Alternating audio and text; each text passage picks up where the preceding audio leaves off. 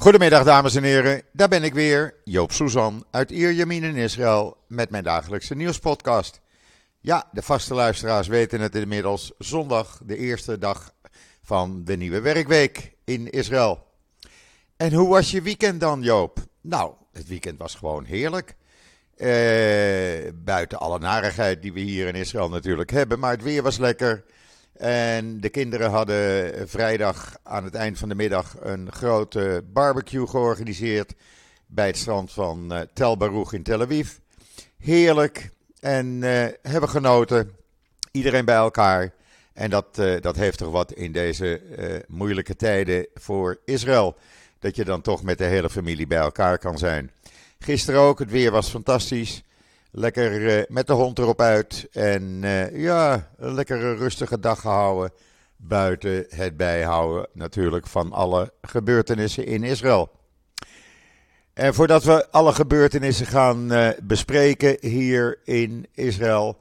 Eerst maar even COVID-19. Want ja, dat gaat gewoon goed. Er waren zaterdag 4630 nieuwe besmettingen. Uh, er zijn nog uh, 44.705 actieve patiënten. Dat is uh, ruim 6.000 minder dan op vrijdag. In de ziekenhuizen liggen nog 254 ernstige viruspatiënten, 95 in kritieke toestand en nog 86 aangesloten aan de beademing. Er is niemand overleden, dus dat is ook een, een goed teken en blijft het aantal doden sinds donderdag staan op 10.559. Ja, en dan uh, de aanslagen in Tel Aviv. Want ja, dat was donderdagavond wat. Ik stond in dubio wel of geen uh, podcast vrijdag te maken, maar de ontwikkelingen gingen zo snel dat uh, ik heb gedacht van nou, dan komt het zondag wel, dan weten we het hele overzicht. Er zijn drie jonge mannen, jonge mensen overleden. Barak Louvan, 35, vader van drie jonge kinderen.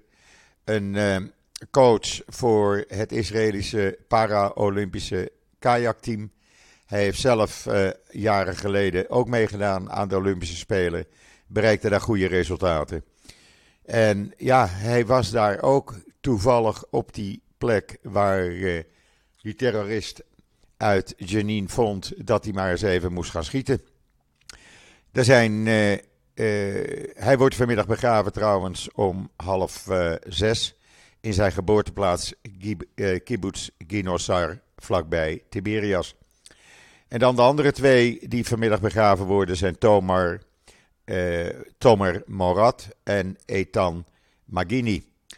Ze waren vrienden vanaf hun vroege jeugd, beide 27 jaar kwamen uit Kvarsaba en zullen worden begraven naast elkaar vanmiddag uh, op de begraafplaats van Pardes Chaim in Kvarsaba. Uh, Morat wordt eerst begraven om half vier. Een uur later, om half vijf, wordt zijn vriend Etam begraven. De voetbalclub Hapoel Tel Aviv heeft al haar supporters opgeroepen om vanmiddag naar de begrafenis van Tomer en Etam te komen, omdat beide fanatieke aanhangers van de club waren.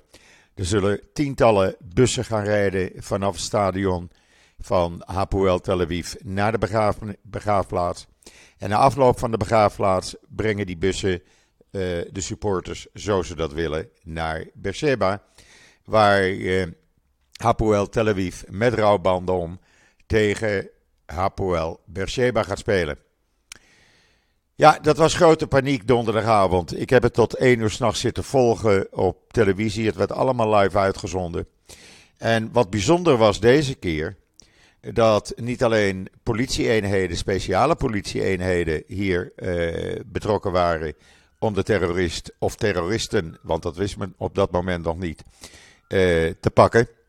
Maar ook de super uh, geheime eenheden.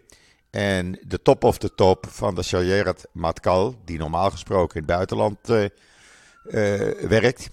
En uh, Douve dan, de speciale eenheid van de IDF. Er waren ruim duizend veiligheidsmensen bij betrokken bij die zoektocht. En nadat er een compositiefoto was gemaakt, want hij kwam op beelden voor die terrorist. En uh, hoe, hoe zag men dat? Men zag op een gegeven ogenblik uh, van de beveiligingscamera's in Dizengoff Street iemand lopen die aan uh, de beschrijving voldeed. En het bleek Raad Hazem te zijn. En Raad Hazem, die liep door de straat. We hebben die beelden allemaal kunnen zien. En die ging op een bankje zitten vlakbij een van die bars. Wat heeft men toen gedaan bij de Shimbet? Men heeft de computer het werk laten doen om een onduidelijke foto duidelijk te maken in kleur. U kunt dat lezen op israelnieuws.nl. Uh, en op die manier kwam men dus helemaal achter wie moeten we nu zoeken. Het korrelige beeld was heel scherp. En uh, daarna begon die intensieve zoektocht. En wat bleek, dat uh, leden van de Shin Bet, die vonden hem op zo'n 3,5 kilometer van de aanslag bij de moskee aan de boulevard van Tel Aviv, vlakbij Jaffo. Daar had hij zich verscholen. Men uh, riep hem om zich over te geven. Hij stak de handen in de lucht en begon toen te schieten. Waarop uh, de Shin Bet agenten terugschoten en hem doden. Uh, dat is de manier waarop ze hem uh, ja, uiteindelijk hebben gevonden en ook uitgeschakeld hebben. U kunt het helemaal lezen op israelnieuws.nl, daar staat het hele verhaal. En waarom hij dat gedaan heeft, niemand die het weet. er wordt wel naarste gezocht naar zijn banden. Maar ja, tot op heden, de islam met jihad heeft natuurlijk uh, commentaar geleverd, heeft het toegejuicht. Hamas heeft het toegejuicht. Uh, er werden in Gaza en in Jenin en Ramallah, zoals gebruikelijk weer, snoepjes uitgedeeld, want er zijn weer Joden vermoord. Want zo gaat dat bij de Arabieren. Uh, althans, bij de kwade Arabieren, laat ik het zo zeggen. Het probleem is dat de eigenaren van die bar, die hadden al een aanslag meegemaakt in 2016. Toen hadden ze een andere bar, ook op Dizengoff Street, een paar honderd meter verderop. En daar werden twee mensen doodgeschoten. Dus voor hun was het een déjà vu. En ze hebben gisteravond ook uh, de bar opengezet weer. Het publiek kan er naartoe. De bar is nu veranderd in een soort, ja, ik wil het geen monument noemen, maar het lijkt er wel op. Er zijn natuurlijk duizenden mensen het hele weekend gekomen om kaarsen te branden, om uh, een minuut stilstaan, uh, uh, stilte in acht te nemen en gewoon daar te zijn. gisteravond is die bar open gegaan met grote Israëlische vlaggen overal. Grote foto's van de drie slachtoffers, want het waren vaste bezoekers. En ja, men wil op die manier laten zien aan de terroristen jullie krijgen ons er niet onder. En ik denk ook dat dat een juiste beslissing is geweest om het op die manier te doen. Hamas, ik had het er net al even over, die uh, was dus uitermate verheugd dat er weer drie Joden gedood werden, of vermoord zijn. En die heeft zware kritiek geuit op Bahrein en Turkije, omdat die twee landen het waagden de, aanslagen, de aanslag te veroordelen. En uh, ja, dat is niet zoals Hamas had gehoopt. Uh, zij, uh, ja, ze zijn gewoon uh, kwaad en ze zeggen: Hamas, het verzet van onze mensen en de heilige plaatsen is een daad van zelfverdediging. En daar moeten jullie niet tegen ingaan. Ja, Amahula, je vermoordt mensen gewoon omdat ze Jood zijn. Een official in Nazareth, de lokale burgemeester van uh, de stad, die vindt eigenlijk dat de terrorist uh, geen terrorist is, hij is een martelaar. Hij heeft het goede gedaan voor het Palestijnse volk. En hij beschermt de Al-Aqsa-moskee en verdedigt uh, de Palestijnse bevolking tegen de moorddadige Zionisten. Ja, het is maar hoe je het bekijkt. Deze man kan dus gauw weg. Gisteren is uh, de IDF begonnen met een zoektocht in Jenin. naar het huis van Raad Hazem. En daarbij werd geschoten door Palestijnen. Er werd uh, met uh, machinegeweren op troepen geschoten. Uh, uiteindelijk is de IDF gewoon doorgegaan. U kunt dat ook zien in video's en foto's op israelnieuws.nl. Er zou één Palestijn gewond zijn, gedood zijn, dat is een van de schutters geweest. En 13 Palestijnen zouden gewond zijn.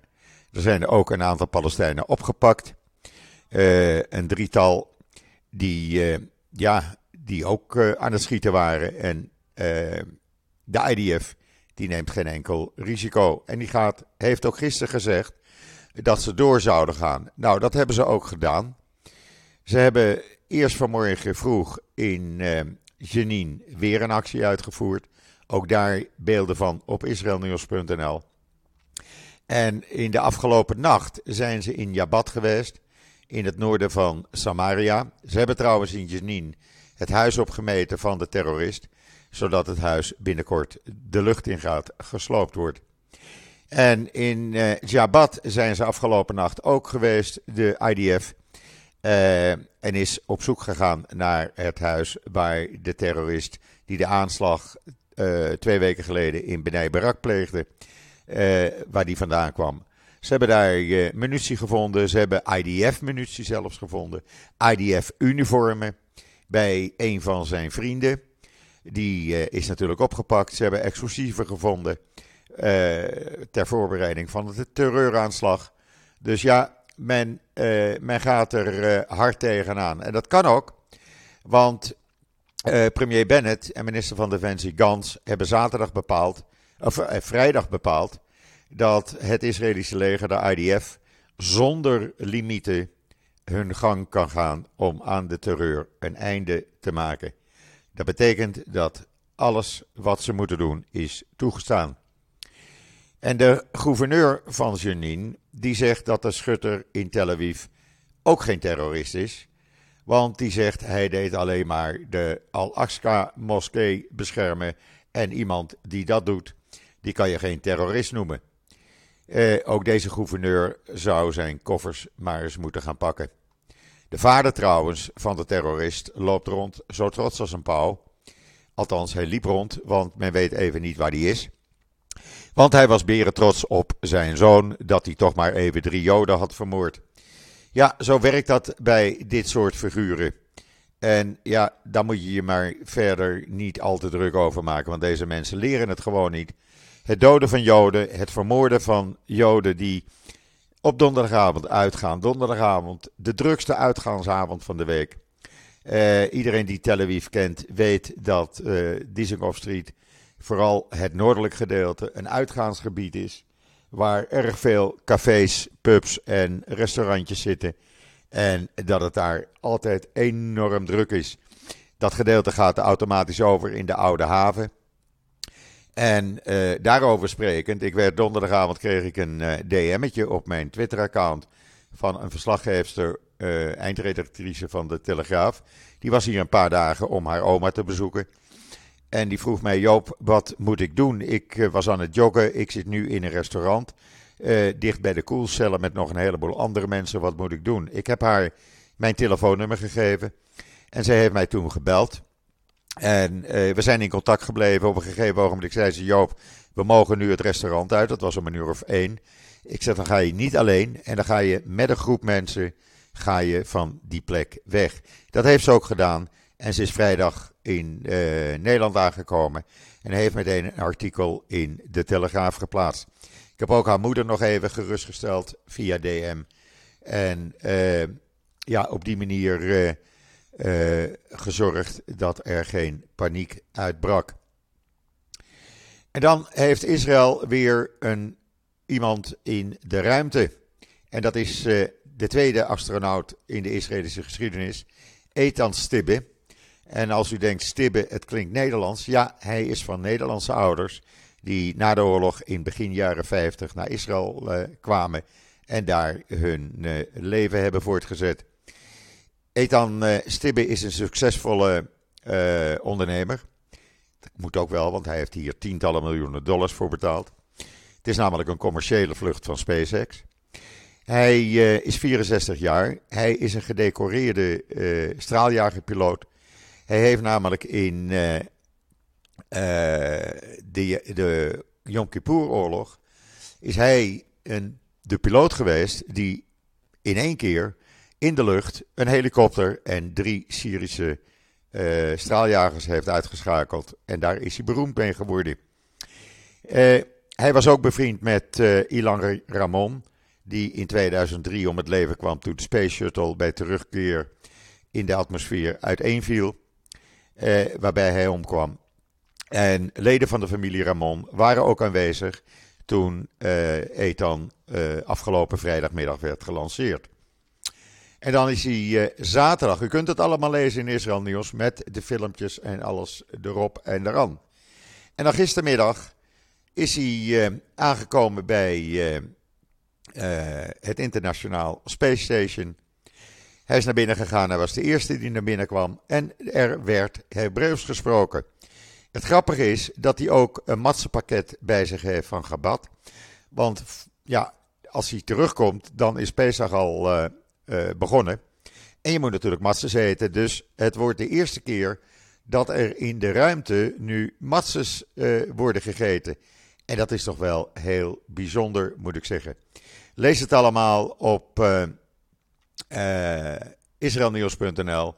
Dan, dan bent u weer helemaal bij natuurlijk. En dan, ja, volgens Syrische rapporten, en je moet ze maar geloven, want Israël zegt hier toch niets over, zijn er gisteren in de loop, eigenlijk tegen het eind van de middag, aanvallen geweest vanuit de Middellandse Zee met raketten die van straaljagers F-16's, F-35's van Israël werden gelanceerd richting een gezamenlijk Syrisch-Iraans onderzoekscentrum. Dat is behoorlijk beschadigd. Er is weinig meer van over. En het gebeurt zelden dat de Israëlische luchtmacht dit overdag uh, doet. Meestal doet men dat s'nachts. Dit was trouwens de eerste aanval op Syrië onder een nieuwe luchtmachtcommandant Tomer zelf een uh, gedecoreerde straaljagerpiloot. En hij heeft dus bepaald, het gaat gewoon overdag gebeuren. En dan de Arabische Joint List, want we hebben ook nu een, we hebben ook nog een politieke crisis natuurlijk in Israël. De Arabische Joint List, oftewel de Verenigde Arabische Lijst, die heeft in een televisie-interview gisteravond gezegd dat hij zich helemaal niet uitspreekt aan uh, het steunen van een motie van wantrouwen om de huidige regering Bennett omver te werpen. En hij zal het al helemaal niet doen als dat betekent dat uh, oppositieleider Netanyahu daardoor aan de macht zou komen. Want dat wil hij helemaal niet. Liever nog dit dan uh, Netanyahu aan de macht, zegt hij. Dus ja, dat betekent dat de oppositie onder leiding van Netanyahu op dit moment 54 uh, eh, stemmen heeft. Terwijl de coalitie 60 stemmen in de Knesset heeft. Dus ja, dan is er nog een meerderheid voor het tegengaan van een motie van wantrouwen. En dan voor het eerst in jaren is er weer eens een poll geweest naar, onder de Palestijnen. Wat willen jullie nou? Uh, twee staten, één staat, drie staten, noem het maar. Nou, er blijkt uh, eh, 33% van de Palestijnse bevolking op de Westbank en in Gaza voorstander te zijn van een één-staat-oplossing. Dat betekent Joden en Arabieren in één staat Israël. Nou, die zal dan geen Israël mogen heten. Dus dit verhaal, ach, ik noem het even, maar vergeet het maar meteen, want het gaat gewoon niet door. En dan heeft de Amerikaanse president, denkt hij, een oplossing gevonden om die Iran-deal toch maar alsjeblieft door te laten gaan. Ja, want hij wil die Iran-deal afsluiten. Nou, hij kwam eerst met het verhaal. We gaan de eh, Iraanse Republikeinse garde van de terroristenlijst afhalen. Daar waren de Arabische landen en Israël natuurlijk valikant op tegen. Maar nu heeft hij iets slims bedacht. Hij zegt: Weet je wat? We halen de Iraanse Republikeinse garde van de terreurlijst. Die zijn dan geen terroristen meer. Maar we laten op de terreurlijst de Iraanse Republikeinse Garde Quds Forces. Dat is een eenheid die daar ook onder valt. En die blijven dan wel uh, op de terreurlijst. Op die manier, de Iraanse Republikeinse Garde kan gewoon handel drijven, kan inkopen doen, kan weer over hun geld bezitten. Ja, uh, daar is natuurlijk uh, hier in het Midden-Oosten weinig, weinig enthousiasme voor. Want ja, dat ga je natuurlijk niet doen. En dan hebben ze, ja, of je dan daar hiermee doorgaat, ik weet het niet. Ik hou die berichten wel in de gaten, want het is natuurlijk een ja, gewoon een omweg eh, om maar bij die Iran-deal te komen. En dan in Amerika gaat het ook lekker, want er zijn twee Joden, uh, Joodse mannen ernstig gewond in New Jersey. Toen een man die auto's van Joden aan het stelen was, over twee mensen één heen reed. En een derde met een mes in de borst stak. En het waren allemaal, uh, het speelde zich af in de Joodse wijk in New Jersey. U kunt het lezen in The Times of Israel. Ja, en dan gaan we vanmiddag natuurlijk een hele zware middag tegemoet. Want ik kan u wel zeggen, ik merkte het vrijdag al, het was minder druk bij mij in de mol. Mensen zijn echt van slag door die aanslag uh, donderdagavond in Tel Aviv. En er worden meer aanslagen verwacht, ondanks dat het leger, politie en alle veiligheidsdiensten alles op alles zetten om het rustig te laten verlopen. Maar goed, vanmiddag worden dan deze drie slachtoffers begraven.